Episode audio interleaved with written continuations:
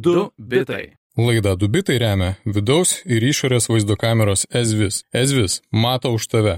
Daugiau informacijos www.ezvislife.lt. Sveiki, valančiaus sekėjai, čia yra jūsų kas savaitinė mėgstamiausia numizmatikos laida 2 litai.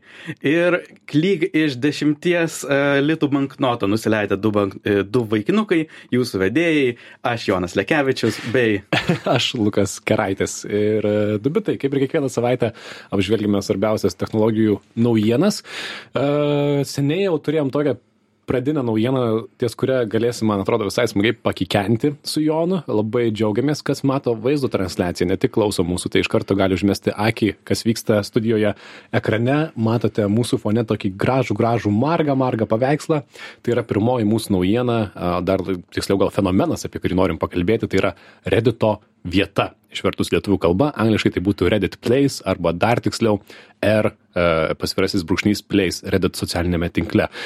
Kas tai žinote, tai tikriausiai jau supratot apie ką mes, kai kam galbūt niekas neaišku, tai pradėsim nuo to, kad Redditas, socialinis tinklas, jis yra garsus savo balandžio pirmosios, pirmosios pokštais ir šiais metais buvo pakartota ta garsioji Reddito uh, pokštybė, tai yra, kaip čia įvardinti, uh, atviras, baltas lap, jo, pasakyk, kaip, kaip, kaip Toks čia įvardinti. kolaboratyvinis uh, paaišymas ant didžiulio, didžiulio tokio um, drobės, galima sakyti, skaitmeninės, kur galima dėlioti. Kiekvienas žmogus gali padėti pikselį, vieną pikselį kas penkias minutės, jog tu negalėtum uh, vienas užpildyti viso lauko, turi bendradarbiauti su visais kitais, su bendruomenėmis ir kartu uh, kurti vieną didžiulį paveikslą. Taip, keturias dienas buvo atvira, atvira vadinamoji vieta Reddito, kur bet kas užėjęs gali nuspalvinti vieną, vieną vienintelį pikselį ir tai gali daryti kas penkias minutės. Ir visas šis eksperimentas meninis buvo prasidėjęs jau 2017 metais, tuomet buvo, na, per, per tas, tą dieną nuspalvinta 6 milijonai pikselių. Šiais metais tai buvo, na, tokia masiška akcija ir buvo nuspalvinti 72 milijonai pikselių ir e, mažų mažiausiai tai yra vienas įdomiausių įvykių internete per metus, kas vyksta. Aš jau laukiu kiekvienais metais, nes, na, tiesiog tas susibūrimas uh, yra, tu neišvengiamai turi kolaboruoti su kažkuo, kad galėtum padaryti savo darbą, kažką nupaišyti. Ir yra neįtikėtinai daug memų pagaminama tuo metu ir labai daug internetinės dramos įvyksta ir tikrai gali stebėti žmonių kūrybiškumą ir gebėjimą kolaboruotis tarpusavėje. Tai mes norim aptarti, ką šiais metais matėme Reddito e, vietoje, ką galėjote mhm. pamatyti. Čia antrą kartą jie organizuoja šitą akciją, nes pra- praeita, kaip minėjai, buvo prieš penkis metus. Įdomus faktas su ta pirma akcija jų. Šiaip jie bendrai per balandžio pirmasias, jie mažiau gal daro tokius pokštus ar melagienas, jų melagienas, ne. Uh, Na jo, neteisingas naujienas. Um, jie labiau mėgsta atlikti įvairius socialinius eksperimentus. Ir šitas irgi, manau, yra mažiau ka- kažkoks pokštas, labiau eksperimentavimas su tuo, kaip internetas veikia, kai tu jam duodi tam tikrą laisvę su s- šiek tiek suvaržytomis taisyklėmis. Visai įdomu, jog pirmą tą eksperimentą sukūrė ir suprogramavo uh, Josh Wardle, kurį mes jau buvom minėję prieš kelia- kelias laidas, nes jisai taip pat sukūrė žaidimą Wardle, kurį pardavė New York Times. Tai uh, mažas pasaulis. Taip, jisai dirbo pačiame Reddite, tai 17 metais, kai sukūrė šį eksperimentą. Man asmeniškai žiauriai patinka e, Reddit Place, e, nes jis yra toks suvedimas visos interneto kultūros, kuria kartais atrodo yra tokia neapimama, viskas sutelpa tenai į vieną paveikslą, vieną kartais gyvą, besikeičiantį paveikslą, bet jis yra tokia koncentracija visos internetų memų ir bendruomenių, žmonių identitetų, e, kultūrų samplakų į vieną galiausiai išeinantį meno kūrinį. Ir Taip. aš esu sužavėtas tuo. Aš visiškai- Tiek daug gražių dalykų. Pritariu. Aš kai darau kokią nors prezentaciją apie internetą, tai jeigu reikia iliustruoti internetą, tai aš dažniausiai paimu Place nuotrauką. Ir jeigu, na, jūs nematote, tai tikrai rekomenduoju paguglinti galbūt tiesiog Reddit Place ir jūs pamatysite tą nuostabų paveikslą iš daugybės, daugybės pikselių, kuriame gausybė animuotų veikėjų, be abejo, daugybė vėliavų. Pirmiausia, nuo to ir prasideda. Visos šalys e, bando, nu, tai taip, nu, nupiešti savo vėliavas kuo didesnės ir kariauja tarpusavyje. E, memų veikėjų, animacinių herojų, filmų, reklamų e, ir dar visko daug. Kas tau Mhm. įsiminė šiais metais? Bendrai, kai pasižiūri, iš ko susideda, ką žmonės paaiš tą place, tai yra toks kabinimasis ant įvairių identitetų, kuriuos ir prisiskyrimų kažkokiam bendruomenėm. Pats lengviausias identitetas, kurį savo gali priskirti, yra tautinis. Aš esu lietuvis ir štai e, Reddit Place šiemet yra net keturios lietuvių vėliavos. Yeah, šaunuoliai. viena yra Lietuvos formas kartu su kitom Baltijos šalim, net su nutiestų Baltijos keliu, a, kita su Vyčio herbo ant viršaus, vėlgi su kitom kartu Baltijos šalim, bet viena yra štai su šaltibaršiais nupaišytais ant, ant lietuviškos vėliavos. Tad a, vėlgi yra labai lengva save priskirtam tautiniam identitetui, bet yra ir daug kitų identitetų. Žmonės priskiria, jog, a, na, tarkim, jiems labai patinka kažkokie žaidimai, yra labai daug žaidimų logotipų. A, yra sporto bendrai sportų arba sporto komandų logotipai. Yra, mane labai žavi atkurti meno kūriniai. Jie mm. vėlgi neretai siejasi su tautiniais identitetais. Pavyzdžiui, ypač Olandai labai um, turėjo daug iniciatyvų atkurti. Gal spūdingiausias yra atkurtas Rembrandto nakties sargybos paveikslas. Neįtikėtina, iš pikselių nuostabiai atkurta. Ir aš dar pridėčiau, jog žmonės, kurie nenori turėti identiteto, kartais pasirenka tokį nihilistinį požiūrį ir yra keletas tokių, um, uh, nežinau, fenomenų šitame place. Uh, tiek iš prieš penkis metus egzistavusias void. Tai yra toks, jeigu tu ne, nežinai, ką daryti, gali tiesiog dėti juodą pikselį prie kitų juodų pikselių ir tai tampa tokiu besiplečiančiu virusu. Tai bandai trinti viską. Bandai trinti. Bet tame ir yra grožis, kad e, Reddito vieta, jie atspindi internetą ir visi turi skirtingas nuomonės, kaip ir ką reikėtų tenais daryti. Na, kažkas vienėsi ten sukurti meno kūrinį, kažkas daro savo asmeninį meno kūrinį, kažkas mato kom komercinį interesą ir padėti reklamą, kažkas sako, čia yra kvailystė, čia yra juokelis, darykime beleką ir trinkime tai, ką padarė kiti. Kiti savo nacionalistinius kažkokius jausmus bando išreikšti. Na tai nuostabu. Man labai patiko QR kodas, kuris veda į kur. Į kur veda QR kodas atsitiktinis internete. Be abejo, į Rick Roll uh, YouTube vaizdo įrašą Never Gonna Give You Up. Taip. Svastikos, beje, pastebėjau, labai greitai uždažomos šitoje place mhm. vietoje, tad pikčiui nepykantai vietos nėra. Jo, ko nerastum, tai ten tikrai nerasit nei Rusijos, nei Kinijos vėliavų, todėl, jog, na, jų nėra redite, jų nėra bendrame internete, bet rasi uh, Šeižinpin kaip pukotuką uh, ir Taivano vėliavą ir, ir visa kita. Tai yra pakankamai didelis pasipriešinimas Hongkongo vėliavos ir, ir taip toliau. Tai labai aišku, jog tai yra vis tiek e, toks vakarų eksperimentas, bet yra labai malonu tą stebėti. Taip, ukrainiečių vėliava šiais metais pakankamai didelė. Ir tu minėjai lietuviškas vėliavas, tai kiek žinau, uh, streameris lietuvis LTU Republic stipriai prisidėjo prie tų vėliavų uh, išlaikymo, uh, kom surinkimo, kad jos būtų atsirastų. Tai linkėjimai jam. Kitais metais mums reikės prisidėti prie šitų. Jeigu jie kitais metais darys. Bendrai, darys. Aš tai e, spėju, kad darys, žinok. Man taip. nu, Aš, mano spėjimas yra toks, jog jie ištraukė šitą kozirį, jų savo prieš tai sėkmingiausią socialinį eksperimentą, kuris irgi buvo labai plačiai nuskambėjęs, todėl jog, na, šiemet artėja Reddito listingavimas viešoje biržoje, ir tas vadinamas IPO. Ir kitaip negu pe, prieš penkis metus, kai buvo reikalavimas turėti bent e, septynių dienų senumo paskyrą, šiemet jie leido bet kokiems naujiems vartotojams dėti pikselius ir todėl buvo labai daug botų, na, bet labai akivaizdi spekulacija yra todėl, jog jie nori tiesiog didelių aktyvumo skaičių. Nes Mhm. jeigu jie nori, na, pelningai išeiti į rinką, reikia turėti aukštus e, vartotojų skaičius ir kodėlgi to neišnaudojus šiuo eksperimentu. Gal tai taps metinė tradicija, aš, aš irgi visai to džiaugčiausi, bet šiemet galima ir tai ir truputį ciniškai pažiūrėti. Taip.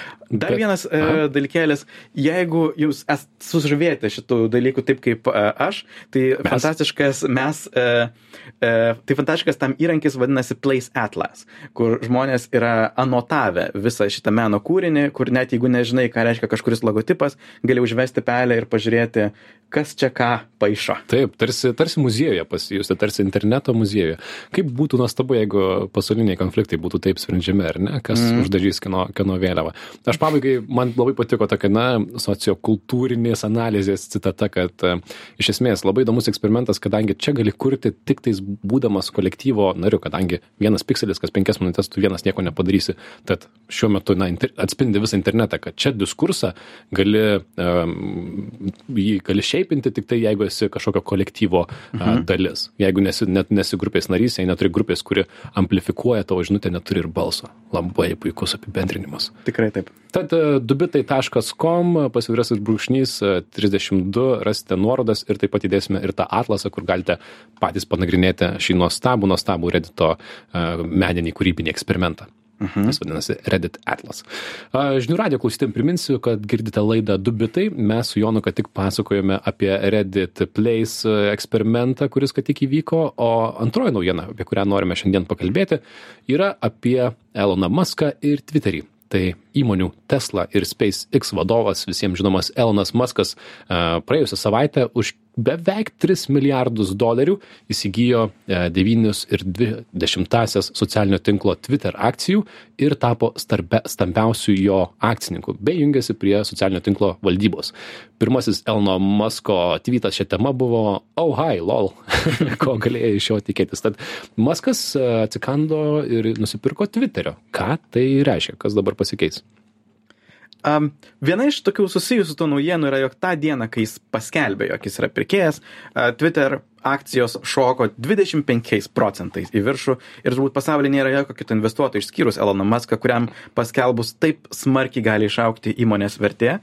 Ir tam tikrą prasme tuo jis net ir nenorėdamas savo susikūrė labai didelę įtaką kompanijoje, nes visi investuotojai staiga supranta, oh, na, žmonės vertina tą faktą, kad jisai tapo mūsų dalimi, tapo mūsų tarybos nariu, tai vadinasi, reikės pradėti klausyti, ką jisai sako. Nes jeigu jo neklausysi, jeigu jų užgoši, gali būti, jog tas visas prieaugis plius 10 milijardų vertės kapitalizacijos gali staiga ir sunykti, jeigu jisai bus nelaimingas Taip, savo poziciją. Kai esi turtingiausias pasaulio žmogus, e, gali sauliaisti nusipirkti socialinį tinklą. Įdomu, kad e, Twitter, Maskas jau kurį laiką jisai pačiame Twitter'e, kuriame yra beje vienas pačių populiariausių naudotojų, jis turi daugiau nei 80 milijonų sekėjų Twitter'e. Tai jis yra vienas didžiausių naudotojų ir vienas didžiausių Twitterio kritikų vienu metu. Jis pastaruoju metu labai ir kalbėjo apie socialinius tinklus, neva dabar, kai žiūrėt gal, tai na, viskas vedė prie to tikriausiai, bet jis tuo metu kalbėjo, kad ar, Twitter, ar Twitteris tikrai adekvačiai remia uh, laisvą kalbą, mhm. da, amerikietiškai free speech, um, galbūt reikėtų sukurti savo socialinį tinklą, jis tokiaus mintimis dalinosi, nors tikriausiai mintise jau pirko, ne, ne tik greičiausiai, greičiausiai praktiškai tuo metu jau supirkinėjo Twitterio akcijas. Taip, nes, nes dokumentai, buvo, dokumentai buvo pateikti kovo viduryje, tai čia, čia nėra taip, jog tu vieną dieną sugalvoji, o nori turėti 10 procentų Twitterio ir staiga turi, tai jau dvi, tris savaitės jisai um, jau turėjo praktiškai tą, tą Twitterį savo kišenį, tad ir pažiūrėjus, ką jisai skelbė per šitas tris savaitės, tai taip, akivaizdu, jog jam yra pakankamai svarbu, kur eina socialinė medija ir jam svarbu išlaikyti žodžio laisvę, ypač tokioje atviroje platformoje kaip Twitter, kuri, pabrėžčiau, yra um, gal net stebėtinai tokios mažos vertės pagal savo įtaką. Nes uh, net po šito plus 25 procentų kainos pakilimo vertės kapitalizacija Twitter yra tik, kabutėse, 40 milijardų, kai palyginę su Facebook'o 600 milijardų, čia beveik 15 kartų mažesnė. Taip, ir žmonių, kiek dirba toje įmonėje, na, yra gerokai mažiau. Twitteris mm -hmm. yra vienas iš socialinių tinklų, bet jis palyginus mažą savo, mm -hmm. savo struktūrą. Tuo tarpu, kai palygini įtaką pasauliu, Twitteris yra žiauriai įtakingas. Mm -hmm. Pavyzdžiui, Lietuva paskelbė, jog nebepirks nie lašo rusiškų dujų ir ką citavo užsienio kanalai, tai ne kažkokią vyriausybės oficialų pranešimą ar Facebook'o įrašą, bet visi citavo šiuo atveju nausėdos Twitterio įrašą, kuris sulaukė apie 200 tūkstančių uh, tų širdučių, apie 20 tūkstančių pertvitinimų ir vėlgi tai parodo, kokia didelė, ypač politinė arba šiaip bendrai medijų sklaidos įtaka yra Twitter'yje ir tam tikrų prasme, jeigu tu už tik tai vieną procentą savo turto, nes Maskas yra labai turtingas, gali nusipirkti turbūt vieną svarbiausių naujienų kanalų pasaulyje, gal ir neblogas pirkinys. Taip, ir aišku, įdomus klausimas yra, kas dabar pasikeis, ar kažkas dėl to pasikeis, ar keisis Twitteris, na, nes Maskas yra ir jo valdybos narys, tampa valdybos nariu, tad teoriškai jis turi galios įtakoti Twitterio sprendimus, nors turėjo ir taip, būdamas vienu didžiausių jo naudotojų. Uh, Jonai, tu esi aktyvus Twitterio naudotojas, Eta Lekevičius, pasiekite Joną. Uh, kaip manai, ar pasikeis dėl to Twitteris, ar, ar į naudą, ar, ar, ar blogiau, ar geriau, kaip, kaip, kaip, kaip, kaip Aš manau, jog mes pakeitimus matysime, galbūt net ir tuos, kuriuos būtume matę net ir be Masko prisijungimo, bet tai, jog naujas Twitterio vadovas, kuris prieš tai buvo CTO, um, jis palaiko, Parag Argual uh, vardas pavardė, jis palaiko kad nemažai minčių kurias kurias tu turi maskas pavyzdžiui su e, tvytų redagavimo funkcija čia visų lauk laukiamas atnaujinimas A, taip, būtų taip. tai manau jog palengva keisis tobulės ir galbūt tikrai išliks tos žodžio laisvės vertybės kurias maskas nori išlaikyt Taip, nors ir nepaisant to, kad socialinis tinklas saliginai mažas, jis tikrai pritaiko tokių inovatyvių funkcijų. Man labai patiko interviu su vadove, kripto padalinio vadove Twitter'yje Tess Reinerson, Wired interviu, kai jie iš tikrųjų eksperimentuoja su tam kriptovaliutomis, kripto idėjomis ir Web3 idėjomis, mhm. kaip jas implementuoti į Twitter'į. Ir labai teisingos, man atrodo, problemos yra aktualizuojamos. Tai yra, kaip įgyveninti kripto entuziastų idėjas, kurių daug Twitter'yje, kad jos būtų suprantamos ir kitiems naudotojams. Kaip ir ką decentralizuoti ir ar Web3 jau yra už kampo. Ir, žodžiu, na, kaip nebūtinai įtraukti į kripto, bet kaip tai padaryti problemo sprendimo dalimi. Ir, ir jie, pavyzdžiui, buvo pasiūlę tokią funkciją, kad galima įstėti savo profilio nuotrauką, kuri tiesiog įvestų į tavo NFT, ką žmonės tiesiog Mhm. darė, nes užsidėjo savo NFT paveikslelius į, pro- į pro- profilius. Tai aš visai laukiu, ką jie įdomaus parodys ir papasakos ir padarys, mhm. šiek tiek pasikeisdami. Na, dar galima prijungti mažą naujieną iš e, kito smarkiai mažiau sėkmingo socialinio tinklo, kuris gal net normaliai negimęs. E, Donaldo Trumpo iniciatyva Truth Social, e, kurią mes buvom ir prieš tai truputį ap- apminėję. Jie turi apie pusantro milijono žmonių tokį laukiamą į sąrašą, waiting list, kurie nes dar pilnai nepasileido, visiškai nepasileido. Pats Trumpas ten yra parašęs tik tai vieną įrašą. Bet naujiena iš šios savaitės yra, jog iš socialinio tinklo vystimo pasilau- pasitraukė du labai svarbus vadovai. Jų techninis uh, CTO vadovas Josh Adams bei produkto vystimo vadovas Billy Boozer. Labai svarbios technologinės pozicijos ir manau, tai rodo daugmaž krypti, ko tikėtis iš Truth Social ateities, tai yra nieko labai spūdingo ir nieko tikrai gero, nes keletas dalykų, tokių vėjų, kurie veikia prieš juos. Jų vadovas, Devin Nunes, jis nėra buvęs startupų vadovas, jis buvęs Respublikonų kongreso narys ir Trumpo bičiulis, tikrai neturi daug patirties. Bet kitas dalykas, jog visi tokie technologiniai centrai tiek JAV, tiek pasaulyje yra liberalūs, progresyvūs ir surasti žmonių, kurie nori dirbti, ar tuo labiau turėti mm. savo CV kaip tokią dėmę darbą prie Trumpo Media ir Technology Group, um, bus tikrai sunku ir aš manau, jiems bus net žymiai lengviau prarasti žmonės, negu rasti juos. O sukurti be žmonių stiprų socialinį tinklą, turbūt uh, nieko gero nebus. Taip, ir mažų mažiausiai pražiopsota ta, na žinai, ta pirminė energija, kai kažką paleidai, juk buvo gausybė parsisiuntimų. Buvo apie tai kalbama, Donaldas Trumpas paleido savo socialinį tinklą, bet kaip dabar rašo vienas BBC žurnalistas, jisai parsisiuntė programėlę ir dabar pusantro milijo, milijono žmonių, bent pagal jį Mhm. yra eilėje, kurie laukia, kada bus prijungti prie to socialinio tinklo. Pats prezidentas, kuris ten turėtų reikšti stipriai, aš neradau nei vieno jo įrašo, bet sakai, vieną parašė, ar ne, įrašą Yra. savo. Vieną tiesą. Vieną ten tiesą. ne įrašai, ten ne įrašai iš tam socialinių. Tai ai, čia yra tas dalykas, iš kurio mes vis juokiamės, kuris priokina, kad ten gali e, daryti ne įrašus, o tiesas, paskelbti savo tiesą. Tai, va, tai galbūt daug naujienų apie tą tinklą nebus, nes galbūt jis numirs kaip visi Trumpo pažadai.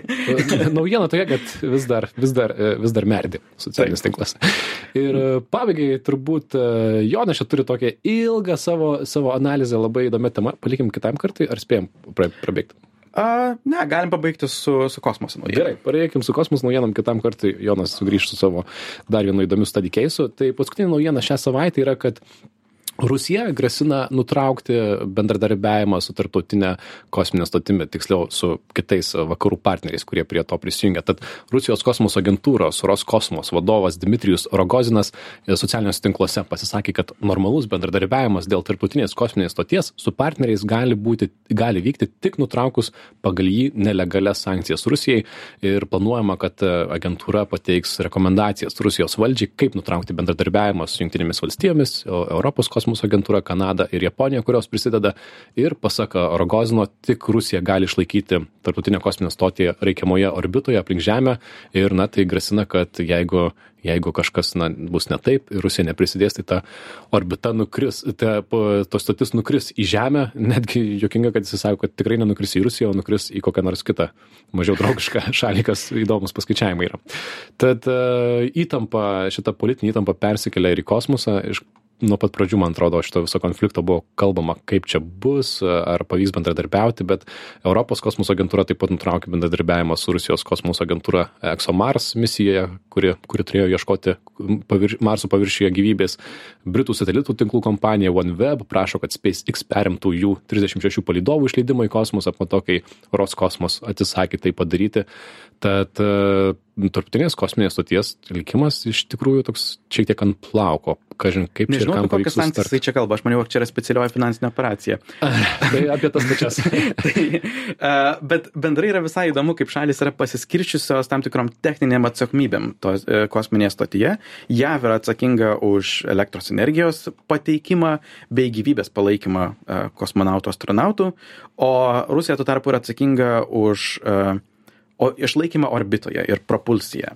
Tad uh, jie jų tas svertas, kuriuo gali uh, manipuliuoti šiuo atveju, yra būtent uh, nebepalaikymas orbitoje, kas nuleistų žemyn. Uh, NASA jau sakė, jog žiūri, kokias galimybės gali uh, patys suorganizuoti kartu su SpaceX pagalba, uh, o sujungiant mūsų pirmą, antrą naujieną su Musku ir Twitteriu, um, Rusija dar vasario 24-ąją lemtingąją dieną buvo pradėjusi šitus savo grasinimus, jog e, nebedalyvaus kosminėje stotyje ir į grasinimus tada Maskas atsakė į jų uh, tweetus uh, patvirtindamas pats uh, SpaceX logotipą kaip atsaką, jog na, mes turime ir kitų priemonių išlaikyti save orbitoje.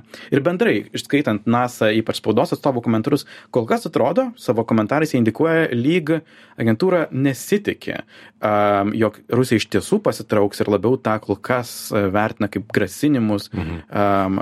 be veiksmų. Taip, nes na, vadovas Roskosmoso Dmitrijus Rogozinas, jis Twitter'e tokia tikrai uh, gana agresyvę retoriką naudoja, bet uh, aš tai galvoju, kad pačiai Rusijai didelis praradimas būtų uh, tarptautinės kosminės stoties, nes na, NASA šiuo metu jau bet derasi bent su keturiomis jungtinių valstybių įmonėmis, kurios galėtų pateikti savo naujos tarptautinės kosminės stoties projektus, kadangi dabartinė, kabanti uh, virš mūsų, jinai turėtų veikti iki dešimtmečio pabaigos, jau jinai seniai mhm. turėtų išeiti į pensiją. Uh, į naujas Amerikos kosminės stotis jie tikrai nebus pakviesti. Jų vienintelė viltis galbūt yra kosminė stotis, kurią nori konstruoti Kinija, bet kol kas Kinija yra identifikavusi gana aiškiai, jog jie neplanuoja jungti su jokiomis kitomis šalimis ir nori šimtų procentų pilnai patys kontroliuoti be, be jokių kitų įtakų. Tad kol kas iš tiesų, jeigu jie pasitrauks, yra labiau tikėtina, jog jie liks be jokių kosminių stočių. Taip. Tad Kinijos Tiangong kosminis stotis jau dabar veikia ir jinai, ir jinai skraido aplink, ir, bet neaišku, gerokai mažesnė, nors mhm. ir vadinama kosminė stotim, gerokai mažesnė, o NASA panašu, kad dešimtmečio pabaigoje jau statysis nauja, tad klausimas, kam čia tie praradimai bus skaudžiausi. Jeigu norite daugiau apie šitą temą, mes dubitai.com pasvirasis bulkšnys 15, tad rudenį kažkada kalbėjome apie NASA investicijas į privačias kosmos, kosmoso stotis. Jeigu kažkam įdomu, pasiskaitykite daugiau, dubitai.com, ten ir mūsų šaltiniai, technologijų naujienos Facebook'e yra grupė, kur mes kars nuo karto parašome ir skatiname jūs parašyti, o žiniųradijas.lt yra visi laidų įrašai. Čia buvo Lukas Keraitis ir Jonas Lekevičius. Ir buvo dviejų bitų naujienos. Sugrįšime kitą savaitę. Iki. Iki. Du bitai. Laida Dubitai remia vidaus ir išorės vaizdo kameros Ezvis. Ezvis mato už tave. Daugiau informacijos www.ezvislife.lt.